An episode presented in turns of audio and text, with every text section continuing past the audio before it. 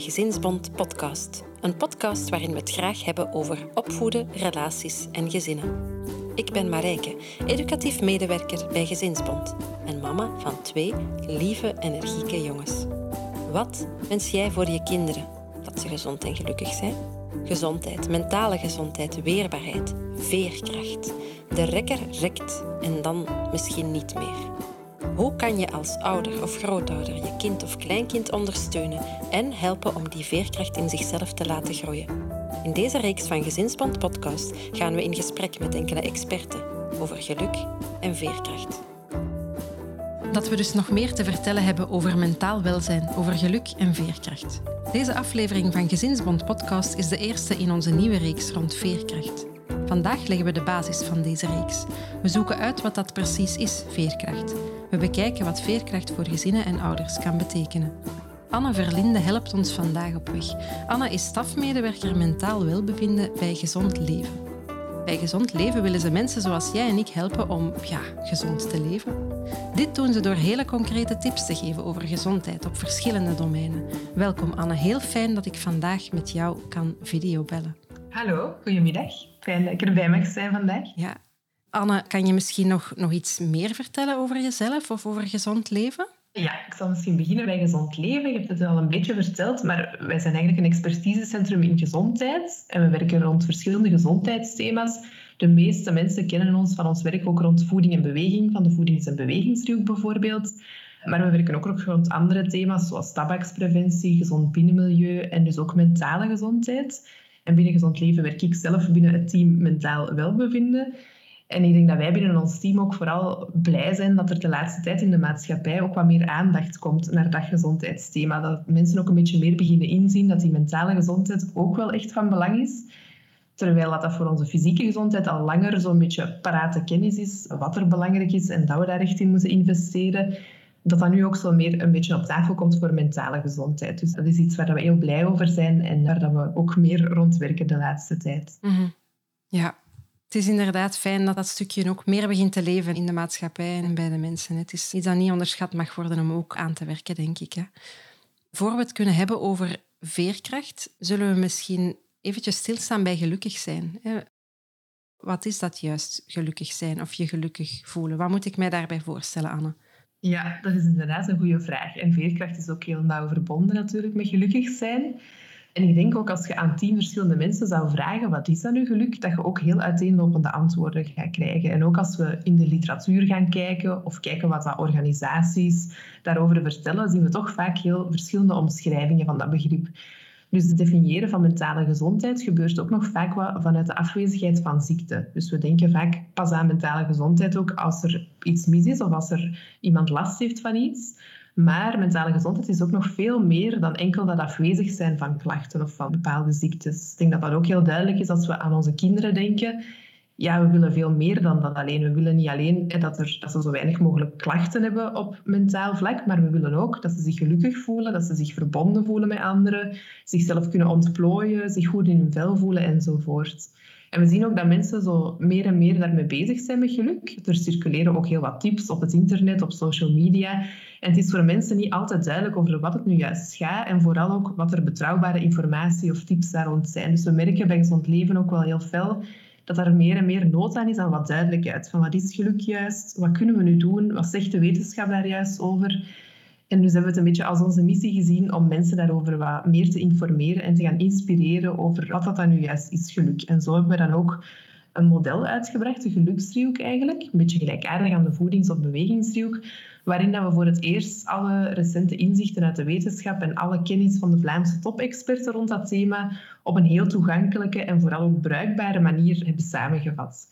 En wat een beetje de rode draad is van die geluksdriehoek, dus wat er telkens terugkomt als je daar met experten over in gesprek gaat, is dat geluk eigenlijk uit drie grote bouwblokken bestaat. Drie dingen waarmee dat je echt zelf aan de slag kunt. En dat zijn goed omringd zijn, jezelf kunnen zijn en je goed voelen. Dus een kort antwoord op die vraag, geluk is of mensen voelen zich gelukkig als ze zich goed omringd voelen, als ze zichzelf kunnen zijn en als ze zich goed kunnen voelen. Ja, dat is inderdaad, dat is gemakkelijk gezegd, denk ik. Hè. Goed omringd zijn, jezelf kunnen zijn. En het derde was, Anne, ik ben het eventjes kwijt. Je goed voelen. Je goed voelen, ja. Dat is waarschijnlijk nog voor iedereen anders. Hè? Wat is dat dan eigenlijk, goed omringd zijn? Ja, die invulling inderdaad scheelt ook van persoon tot persoon. En goed omringd zijn, dat gaat eigenlijk over de contacten met andere mensen. Dus onze, ons gevoel van verbondenheid met anderen, de warme, vertrouwelijke relaties die we hebben met de mensen rondom ons. Het feit dat we op mensen kunnen steunen in mooie tijden, maar ook in moeilijke tijden. Dat we plezier kunnen beleven met anderen, dat we er kunnen zijn voor anderen. Dat we zelf van betekenis zijn voor anderen en de betekenis die anderen ook innemen in ons leven. En denk zeker ook als we aan ouderschap denken, dat dan iets heel belangrijk daarin bijvoorbeeld de partnerrelatie is. En meestal krijg je een kindje met iemand waarmee je al langer samen bent, maar je gaat daar een heel nieuw avontuur mee aan. En hoe dat je dat avontuur aangaat, hoe dat je elkaar kunt versterken in dat avontuur, hoe dat je samen ouder kunt zijn, hoe dat je die intense periode van hele mooie momenten, maar soms ook heel heftige momenten, samen kunt doorgaan, ja, dat bepaalt natuurlijk ook heel sterk hoe dat je zult voelen. Dus dat mhm. is al een hele grote factor. En daarnaast gaat het natuurlijk ook over de contacten buiten ons gezin. Denk, als we in die oude rol worden geduwd, als we daar middenin zitten, hebben we vaak misschien het gevoel dat er weinig ruimte is voor die andere contacten. Maar toch is dat ook superbelangrijk, die sociale kring buiten het gezin, die vaak toch ook onze batterijen terug kan opladen, dat we daar ook tijd voor kunnen maken. En dat is ook een beetje het goed omringd zijn in de zin van, dat ze soms ook zo zeggen van it takes a village to raise a child. Ja. Uh, die mensen rondom ons, dat zijn ook de mensen waarop dat we eens kunnen leunen, die eens kunnen inspringen als het nodig is, die er eens voor kunnen zorgen dat we toch vijf minuutjes langer misschien onder een douche kunnen staan of toch een beetje tijd voor onszelf kunnen maken. Dus ja, daar ook echt bewust in investeren, want dat ontstaat niet helemaal vanzelf. En dat ziet er misschien ook soms anders uit dan dat we ons op voorhand hadden voorgesteld. Die village waar dat ze over spreken, dat kan ook zitten in de vroedvrouw die ons ondersteunt in de weken na de bevalling, of de crash die meezorgt voor de zorg van onze kinderen, of een tekenleraar misschien later die helpt om kinderen hun talent te ontplooien, of de poetsvrouw die u helpt in het huishouden, die village rondom uw gezin zal proberen opbouwen en ook tijd maken voor de mensen die uw batterijen opladen. Dat is een beetje waar het om gaat bij goed omringd zijn. Mhm. En ik denk dat kinderen daar ook vaak een verbindende factor in kunnen zijn, want dat, die kinderen brengen ons natuurlijk ook in nieuwe contexten waar we daarvoor misschien niet zo snel kwamen. We gaan vaak andere ouders ontmoeten vanuit een bepaalde gemeenschappelijkheid, waarbij dat we ook veel dingen kunnen delen. Dus dat kan ook iets zijn waardoor dat we daarin kunnen groeien en ons netwerk nog verder kunnen, kunnen uitbouwen. Ja, ja, klopt. Ik ben zelf zo bijvoorbeeld een tijdje na mijn bevalling zo in een groepje Mama Fit gestapt, waar dat je dan eigenlijk allemaal mama's had van kindjes met dezelfde leeftijd en dan samen sporten. Dus dat is dus ook nog eens gezond, hè? als we dan toch bij gezond leven zijn.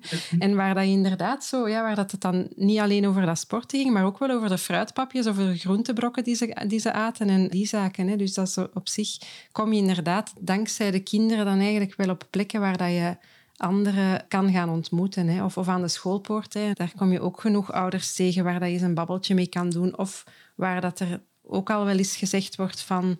Heb je opvang nodig? Hè? Laat uw kindje maar eens komen spelen bij die van ons. Of, hè, dat, dat kan ook een stukje village zijn, denk ik, hè, Anne? Ja, inderdaad. Ja, dat zijn eigenlijk ook een beetje de mensen die zo in hetzelfde schuitje zitten. Hè? Die ook, zeker als je juist mama zijn geworden, die ook juist al die veranderingen doormaken. En dan kan dat heel veel deugd doen om je hart eens te kunnen luchten en die ervaringen een beetje te kunnen uitwisselen en ook een beetje te zien dat je daar niet alleen in bent en zelf niet alleen al die zorgen hebt over de fruitpapjes en weet ik veel mhm. in het begin. Kan je nog iets vertellen over de andere stukjes?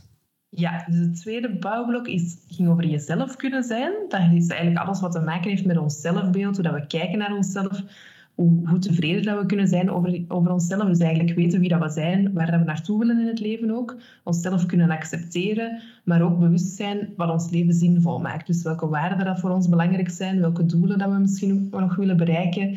En ook de motivatie om daar echt stapjes naartoe te zetten, om daar naartoe te kunnen werken. En die jezelf kunnen zijn, dat is ook een bouwblok dat zeker in het ouderschap ook wel wat uitgedaagd kan worden. Als we mama of papa worden, dan komt er een hele grote nieuwe rol bij eigenlijk in onze identiteit. Die rol als ouder, dat is echt een heel nieuw stukje identiteit waar dat je plek voor moet kunnen maken. En daarnaast staan natuurlijk ook nog alle rollen die je daarvoor aan het opnemen waart. Dus je netwerk dat je misschien wilt blijven onderhouden, je job die ook dingen van u zal vragen, dat zal er misschien niet allemaal hetzelfde kunnen blijven uitzien als daarvoor, maar dat is toch een beetje terug een nieuwe balans, een nieuw evenwicht mhm. zoeken in die verschillende rollen die we kunnen opnemen. En het gaat daar ook natuurlijk over hoe we naar onszelf kijken. Dus als we kijken in onderzoek, zien we ja, dat mensen van nature misschien wat geneigd zijn om zich te focussen op wat er mis kan gaan of eventuele zorgen om vooral problemen te voorkomen eigenlijk. Of op onze negatieve punten, dat is nog zo'n voorbeeld. Maar we zien in onderzoek dat het eigenlijk veel zinvoller is om ons te gaan focussen op de positieve dingen, op onze kwaliteiten. En zeker ook binnen ouderschap, ja, denk ik dat we snel geneigd zijn om ons veel zorgen te maken. We hebben een kind gekregen, dat is ons heel dierbaar. We willen niet dat dat iets overkomt natuurlijk. Dus we zijn vaak heel gefocust op ja, hoeveel groentepap dat dat binnen moet krijgen. En weet ik veel, in latere fases zijn dat weer andere zorgen dan. Maar we mogen daar niet uit het oog verliezen dat het ook heel belangrijk is om de successen te vieren en om echt een gewoonte te maken van te kijken naar de dingen die ook goed gaan. Mhm. Ik denk zeker ook, ja, naarmate dat kinderen ouder worden, komen we ook meer en meer in contact met dingen die kinderen doen die we eigenlijk niet zouden willen. Maar ook dan ja, is het wel echt een aandachtspunt om ook te blijven kijken naar wat er wel goed loopt. Bijvoorbeeld als iemand een, een kind een slecht rapport heeft, ja, dat is belangrijk dat er aandacht naar gaat en dat er iets mee gebeurt. Maar die cijfers, dat is ook niet het enige op de wereld. Er zijn ook nog andere dingen die heel belangrijk zijn. Als dat kind bijvoorbeeld een hele goede vriendenkring heeft, dat is ook iets heel waardevol. En een kwaliteit die dat kind zal meenemen in de rest van zijn leven. Ja. Dus ja, ook daarin zo is het misschien een beetje een tip om daarin gewoontes te installeren. Om bijvoorbeeld met elkaar te delen waarover dat je trots bent. En kinderen dat ook te laten vertellen. Want kinderen zien natuurlijk ook vooral het voorbeeld dat we zelf stellen als ouders. Dus als we zelf ook nooit vertellen over waar dat we trots op zijn op onszelf, dan gaan zij dat ook niet zo snel doen. Mhm.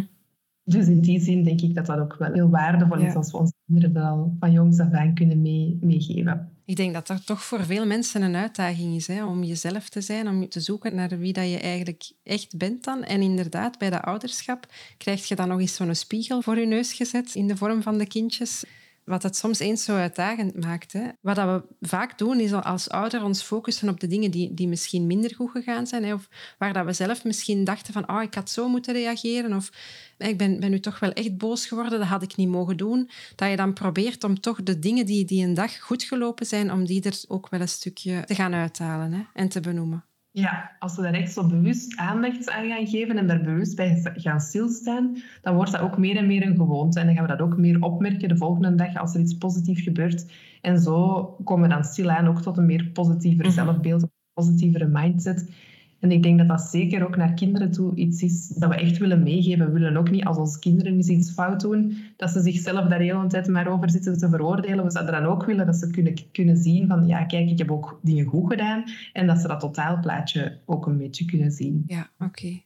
We hadden nog één bouwsteen, denk ik, hè, Anne? Ja, klopt. De derde bouwblok gaat over je goed voelen. Dat is zo'n beetje de emotionele component van mentaal welbevinden dat gaat eigenlijk vooral over positieve emoties kunnen ervaren. Dus alles wat te maken heeft met positieve gevoelens, zoals plezier, interesse hebben in het leven, energie, in het hier en nu kunnen zijn, dat is waar het daarover draait. Dus echt activiteiten die je energie geven, die je batterijen opladen, om daar voldoende tijd voor te maken ook.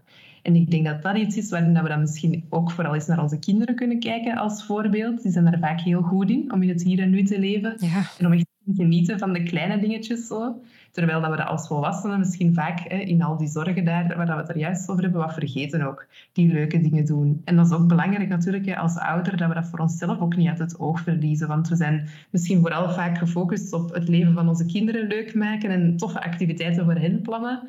Maar opnieuw, hè, kinderen pikken dat ook op wat dat we voor onszelf doen. En dat is wat dat ze later ook gaan internaliseren. Dus mhm.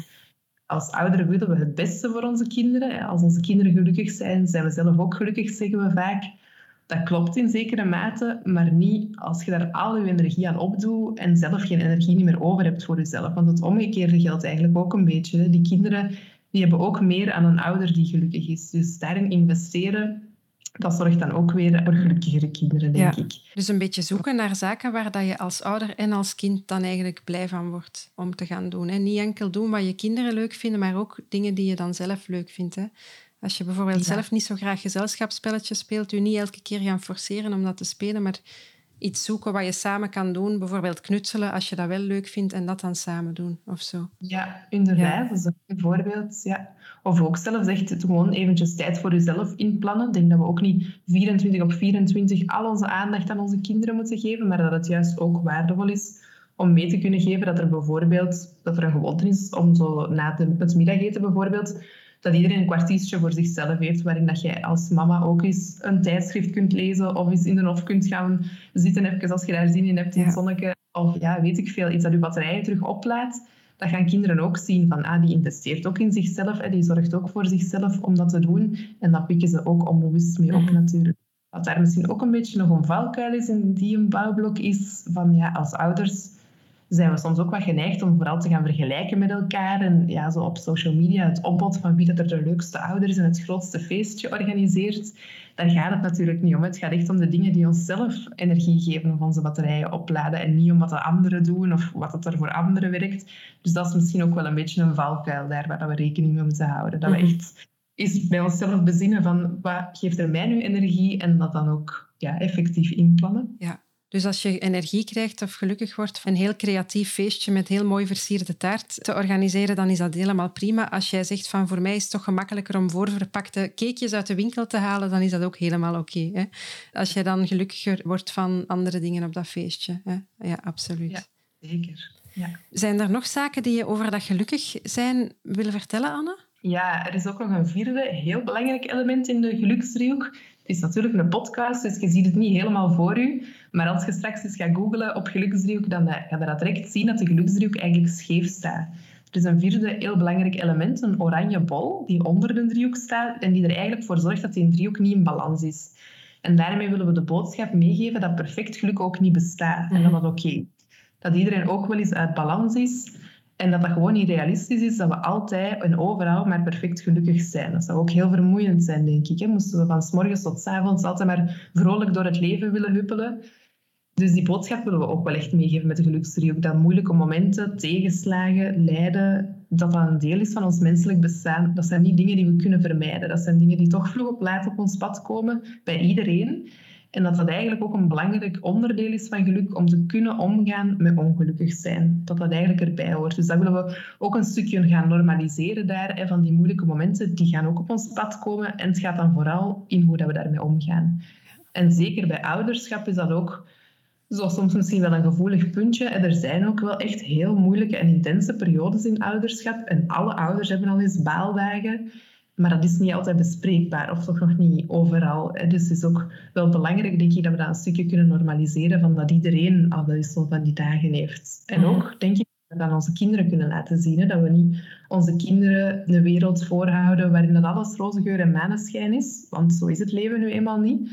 Dus we gaan niet kunnen vermijden dat kinderen nooit eens kwaad zijn of nooit eens verdrietig zijn of nooit eens iets moeilijk gaan meemaken.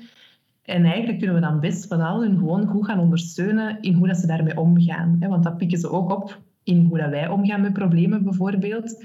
Dus het gaat meer impact hebben op kinderen dat zij zien hoe dat wij met problemen omgaan, dan dat we ze altijd maar gaan afschermen van alles en dat ze een beeld gaan hebben van de wereld dat eigenlijk niet realistisch is. Dat die tegenslagen ook nooit op hun pad gaan komen. Ik denk ook dat kinderen ons daar vaak in kunnen verrassen. Dat ze van nature eigenlijk wel veel veerkracht hebben en dat die vaak ook op een heel creatieve en out-of-the-box manier kunnen omgaan met problemen die we misschien niet zo zouden inschatten op voorhand. Dus ja, dat is ook wel iets dat we kunnen doen, denk ik, om zo de alledaagse problemen ook een beetje zichtbaar te maken voor kinderen. Bijvoorbeeld, stel dat we een hele leuke uitstap hebben gepland waar ze al lang naar uitkijken, maar het is echt een regenstormdag waarbij dat je al direct denkt van nee, dat gaan we niet doen vandaag ja, laat ze daar ook dan eens mee over nadenken. Dat is een tegenvaller, maar hoe kunnen we de dag dan toch nog leuk maken? Hoe mhm. kunnen we er het beste van maken? Dat is echt iets waardevol, denk ik, om kinderen ook mee te geven.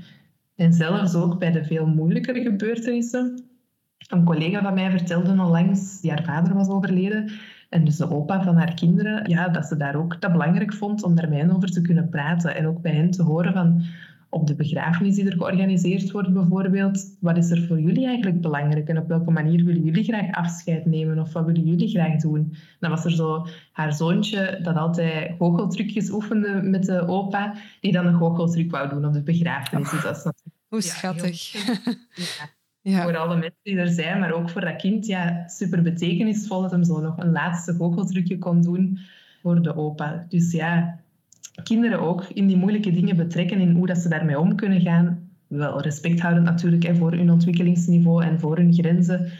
Maar ze ook niet onderschatten daarin, denk ik. Mm Dat ze veel meer veerkracht hebben en dat we ja, hen ook kunnen ondersteunen in hoe dat ze daarmee om kunnen gaan. Ja, luisteren naar je kind. Ik denk dat dat inderdaad wel belangrijk is. Ik heb zelf zo'n voorbeeldje. Een tijdje terug gingen we naar het eh, Dino-museum met de kleuter hier. Maar de papa was, eh, had last van zijn rug of zo, dus die ging niet mee. Of die kon niet die dag. Dus we hebben hem dan ook een beetje de keuze gelaten van ja, wat doen we dan? Ofwel blijven we dan allemaal thuis, hè? want hij wou heel graag dat papa meeging natuurlijk. Ofwel, ja, wat denk je, wat is dan de oplossing? En dan zei hij, oh, papa, Anders ga ik, gaan wij nu al met mama en dan een volgende keer mag jij dan mee. Hè? Dus dan loste hij het zo op van gewoon nog eens terug te gaan met papa erbij. En dan, allee, dan was het ook oké. Dus ik denk dat het vooral ook fijn was voor hemzelf dat hij zelf tot die oplossing gekomen was. En dat dat daardoor dan ook gemakkelijker was om daarmee om te gaan. Of zo, dat papa dan niet mee kon die dag. Ja, en zo oefende eigenlijk ook vanaf heel jonge leeftijd al vaardigheden die later ook superbelangrijk zijn als mhm. volwassenen gaan we nog serieuzere problemen misschien tegenkomen.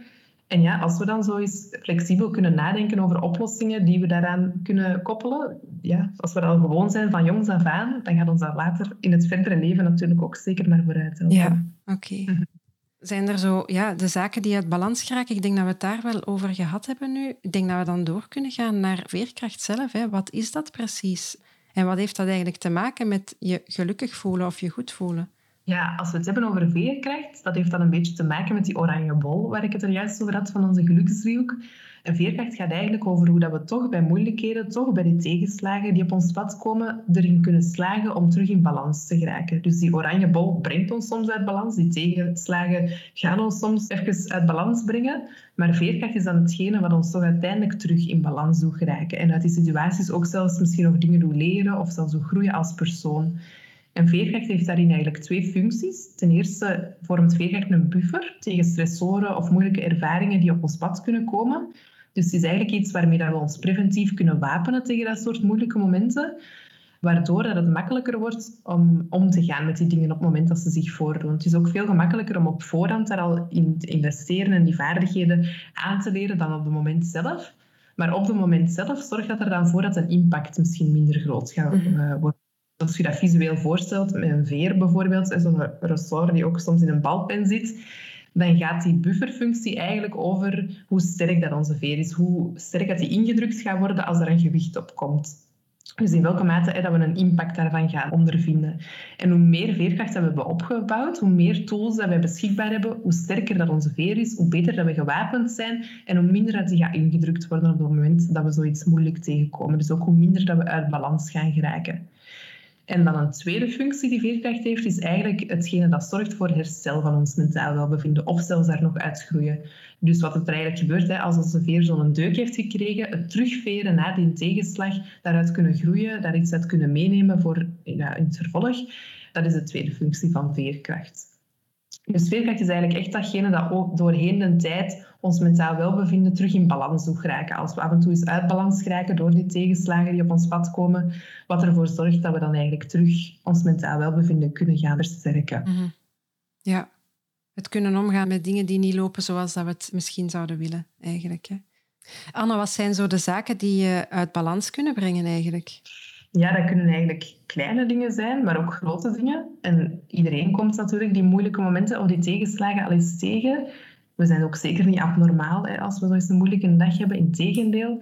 Dus in oranje bol kan gaan over heel grote dingen, maar ook over heel kleine dingen. Bij grote dingen denk je bijvoorbeeld aan financiële zorgen die we kunnen hebben, of iemand in onze omgeving die ernstig ziek wordt, of problemen in onze relaties, slecht nieuws dat we krijgen grote veranderingen in het leven. Dat kunnen positieve veranderingen zijn ook. Bijvoorbeeld het ouderschap is ook zoiets dat ons wel eens uit balans kan brengen. Alhoewel dat, dat niet per se iets negatiefs is natuurlijk. Maar het kan ook even goed gaan over kleine alledaagse frustraties. Bijvoorbeeld na een hele lange werkdag thuiskomen en de kinderen die dan juist ruzie maken. Of de zoveelste snotvalling die via de crash binnenkomt. Of het slecht nieuws op het journaal. Onze batterij van onze gsm die plat is wanneer we juist een foto willen trekken of weet ik veel. Het gaat echt zo ja, over grote en kleine dingen eigenlijk die ons geluk kunnen uitdagen en die ervoor kunnen zorgen dat we uit balans geraken. En wanneer we er dan toch in slagen om ondanks die oranje bol die balans terug te kunnen creëren, dat is waar dat we dan veerkracht vertonen. Ja. En wat kan je dan doen om je weer beter te voelen als je uit balans geraakt? Ik denk dat het vooral belangrijk is dat we voor onszelf een stukje normaliseren dat het normaal is dat we af en toe eens uit balans geraken. Dus dat we onszelf daar niet ook nog eens over gaan veroordelen, want dat doen we vaak. En dat we ook gewoon moeten accepteren dat we dat niet altijd direct kunnen oplossen. Dat we dat ook soms gewoon een beetje moeten laten gebeuren. En daarnaast zijn er ook wel een aantal dingen die we vooraf kunnen doen. Door te investeren in bijvoorbeeld die bouwblokken van ons geluk, waardoor dat, dat al wat stabieler is. Maar ook door te investeren in dingen die specifiek aan bod komen wanneer we moeten omgaan met zo'n moeilijkheden. Bijvoorbeeld de, ja, de manier waarop dat we met stress en emoties omgaan. Er zijn eigenlijk heel veel verschillende strategieën die we kunnen inzetten. Probleemoplossend gaan proberen nadenken, met iemand gaan praten daarover, iets uitproberen, weglopen uit een situatie, onszelf afleiden, hulp zoeken enzovoort. Er is niet één juiste strategie om met problemen om te gaan, maar het is wel belangrijk dat er een, breed, een brede waaier is eigenlijk waarover dat je beschikt, die je flexibel kunt inzetten afhankelijk van situatie tot situatie. En dan ook op het moment zelf, denk ik, vooral eerst even een stapje terugnemen en kalm blijven en nadenken over wat is nu de beste manier voor mij om hierop te reageren. Want dat gaat een heel groot effect hebben op welke impact dat die gebeurtenis op ons gaat hebben. Dus dat klinkt misschien heel logisch, maar vaak reageren we nogal impulsief als er iets moeilijk gebeurt. Maar door even een stapje terug te zetten, kunnen we vaak veel creatiever nadenken over een oplossing en meer out of the box iets, ja, een mogelijkheid gaan inzetten. En anderzijds zou ik daar ook nog over zeggen, ja, in het omgaan met stress en tegenslagen hebben we snel al misschien een beetje de neiging om onszelf daarover te gaan veroordelen of te denken dat we iets fout hebben gedaan of zo. En daarbij is het, blijkt het onderzoek vooral ook belangrijk dat we een beetje een groeimindset daarin aannemen. Dus dat we fouten maken ook zien als kansen om daar te groeien, om iets uit te leren. Dus daar ook een beetje mild in zijn, denk ik, tegenover onszelf. Dat kunnen erkennen van, oké, dat is misschien minder goed gegaan, maar wat kan ik daaruit leren? Wat kan ik daaruit meegeven? Meenemen, ja, ook een beetje op onszelf met compassie te reageren, zoals dat we dat ook zouden doen als een goede vriendin van ons dat zou meemaken bijvoorbeeld. Dat we ook tegen onszelf een beetje op die milde manier, dat we daar tegen zouden praten, ook kunnen praten. Mm Zo'n stapje terugnemen, dat is niet altijd zo evident, denk ik, Anna. Hoe, hoe, hoe doe je dat? Ja, dat is allemaal gemakkelijk gezegd natuurlijk. Hè. En het is vaak ook op die moment zelf, als je daar middenin zit in zo'n moeilijke periode, dat dat ook niet gemakkelijk is om te zien wat heb ik nu eigenlijk nodig. Dus dat is ook wel een tip die we soms meegeven om op voorhand al zo eens een plan te maken voor zo'n moeilijke moment. Dus echt eens na te denken, jij kent jezelf het beste als persoon, wat heb je eigenlijk echt nodig als je zo overspoeld wordt bij een moeilijk moment? Hoe kun jij dan voor rust zorgen? Waar laat er uw batterijen dan terug op? Is dat even rustig een bad nemen of is dat juist je eigen gaan uitleven en buiten eens gaan lopen of zo, je fysiek gaan afreageren, gaan sporten? Hoe kun je zorgen voor afleiding? Wat helpt er echt voor u? En als je dan zo een lijstje hebt dat, waar je naar terug kunt grijpen op die moment zelf, dan gaat een drempel al veel minder hoog zijn om dat ook effectief te doen. Terwijl op het moment dat we overspoeld zijn, is het vaak moeilijk om zo goede keuzes te maken. Dan grijpen we misschien ook al vaker eens naar dingen die misschien op korte termijn wat helpen door ja, bijvoorbeeld, ik weet niet, een stuk taart te eten. Voor sommige mensen kan dat misschien eens oplichten, een stuk chocolade te eten of zo. Maar dat is niet per se wat ons op lange termijn ook deugt toe. Nee. Dus ja, weten wat dat voor u helpt op die moment. Misschien een goede vriendin bellen of zo. Dus vooraf zo'n plan maken waar je dan ook op het moment zelf echt wel iets aan hebt. Ja, oké. Anne, je spreekt over zaken die ons uit balans kunnen brengen. Het afgelopen jaar denk ik dat, dat veel ouders of veel mensen zich wel uit balans gevoeld hebben. Hè? Ja, kan, kan je daar nog iets over vertellen misschien? Ja, zeker. Zo die dingen die op ons pad komen, die tegenslagen of moeilijke momenten die ons uit balans kunnen brengen, de mate van waarin dat, dat impact heeft, dat hangt altijd een beetje af van de wisselwerking tussen enerzijds individuele factoren en anderzijds omgevingsfactoren. Dus die individuele dingen gaan over die bufferfunctie die we zelf hebben opgebouwd, die vaardigheden die we onder de knie hebben gekregen, waardoor dat we kunnen omgaan met moeilijke dingen. Maar anderzijds zijn er ook omgevingsfactoren, dus de systemen rondom ons, onze hulpbronnen die we kunnen inschakelen op verschillende momenten, Bijvoorbeeld onze ouders die eens kunnen inspringen bij ons kind dat weer een snotvalling heeft voor de zoveelste keer. Of ons werk dat misschien juist heel begripvol is op die moment als we sociaal verlof moeten nemen of zo. Die dingen in onze omgeving dragen eigenlijk ook heel hard bij op welke impact dat, dat heeft. En dat is iets inderdaad wat we de laatste tijd hebben gezien bij de coronacrisis. Zien we dat dat eigenlijk zo'n beetje een multisystemische crisis noemen ze dat is. Dus dat is eigenlijk een crisis die impact heeft op alle systemen waarin dat we functioneren. Zowel op ons werk bijvoorbeeld. We hebben ons allemaal moeten aanpassen, meer gaan thuiswerken. We moeten daar een hele nieuwe, nieuwe gewoontes in vinden en een nieuwe manier van werken. We zijn daar nog niet gewoon digitaal werken. Ondertussen misschien wel al meer, maar zeker in het begin was dat toch een grote aanpassing. En ook thuis, waarbij dat dan de kinderen thuis moesten blijven in het begin van de eerste lockdown bijvoorbeeld, en waarbij dat die grenzen tussen werk en privé heel hard begonnen te vervagen. Eigenlijk moesten we ineens op alle vlakken anders dingen gaan organiseren. Dus onze basis werd daar een beetje aan wankelen gebracht. Als je ook naar de geluksdriehoek gaat kijken, zie je dat die drie bouwblokken daar ook allemaal wat onder druk komen staan. En we konden ook misschien minder terugvallen op bestaande hulpbronnen die er waren. Dus dat is waarom dat, dat inderdaad een extra grote impact heeft, omdat dat op verschillende vlakken tegelijk ons geluk toch stevig uitdaagt. En we hebben natuurlijk ook een beetje die interne hulpbronnen, die vaardigheden die we onszelf hebben aangeleerd, maar die zijn ook niet eindeloos. Hè. Dus ook die zijn op den duur wel eens uitgeput. Dus het gaat zeker ook over omgevingsfactoren die soms op ons pad komen en waar we ja, niet altijd alles in de hand bij hebben. Ja. Waar raad je de mensen dan aan om op dit moment te doen om toch weer veerkrachtiger te kunnen worden? Want ik denk dat heel veel mensen op dit moment zoiets hebben van die veer, die veert toch niet meer zo heel erg veel terug. Ja, op deze moment zitten we er natuurlijk ook al heel lang in. Hè. Ik denk dat in het begin iedereen wel zoiets had van oké, we maken er het beste van en we zoeken andere oplossingen. Maar nu begint het bij mensen ook wel een beetje allee, hard door te wegen, denk ik. Ik denk dat mensen het ook beu zijn om andere mensen alleen maar digitaal te zien of via een schermpje. Dus ja, wel een beetje de boodschap om te blijven zoeken naar dingen die dan toch nog bijdragen tot uw geluk en naar andere oplossingen, om weer daar creatief en out of the box in te gaan denken. En vooral ja, te focussen op de dingen die ons wel nog energie geven en blij maken. Want het doet ons ook natuurlijk heel wat dingen beseffen. Hè. Bijvoorbeeld hoe belangrijk dat die andere mensen voor ons zijn en die contacten die mhm. wegvallen.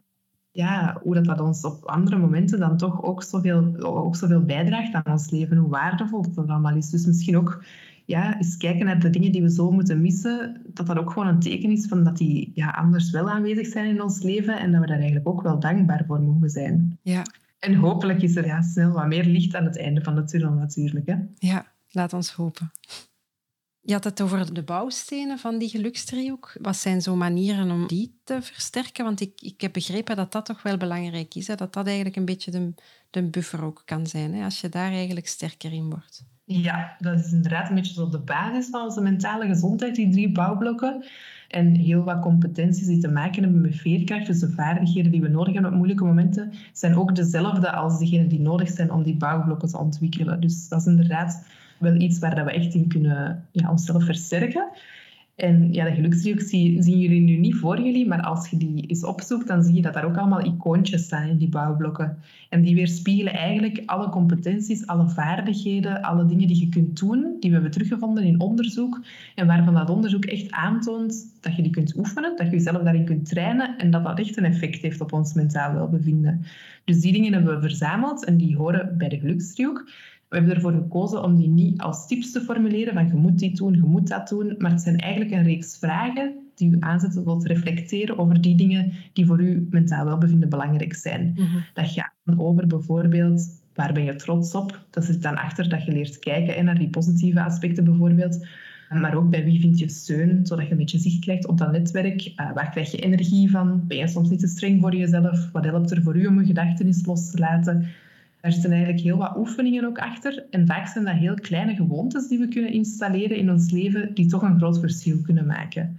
Ook dingen die we misschien als gezin kunnen installeren in ons gezinsleven. Bijvoorbeeld, wat ik daar straks vertelde over dat standaard zo een kwartiertje voor jezelf nemen na het middageten. Het kan ook zijn dat je bijvoorbeeld aan tafel iets positiefs vertelt over je dag. Of dat er een soort complimentenbord in huis is waarin dat iedereen een complimentje aan elkaar kan geven.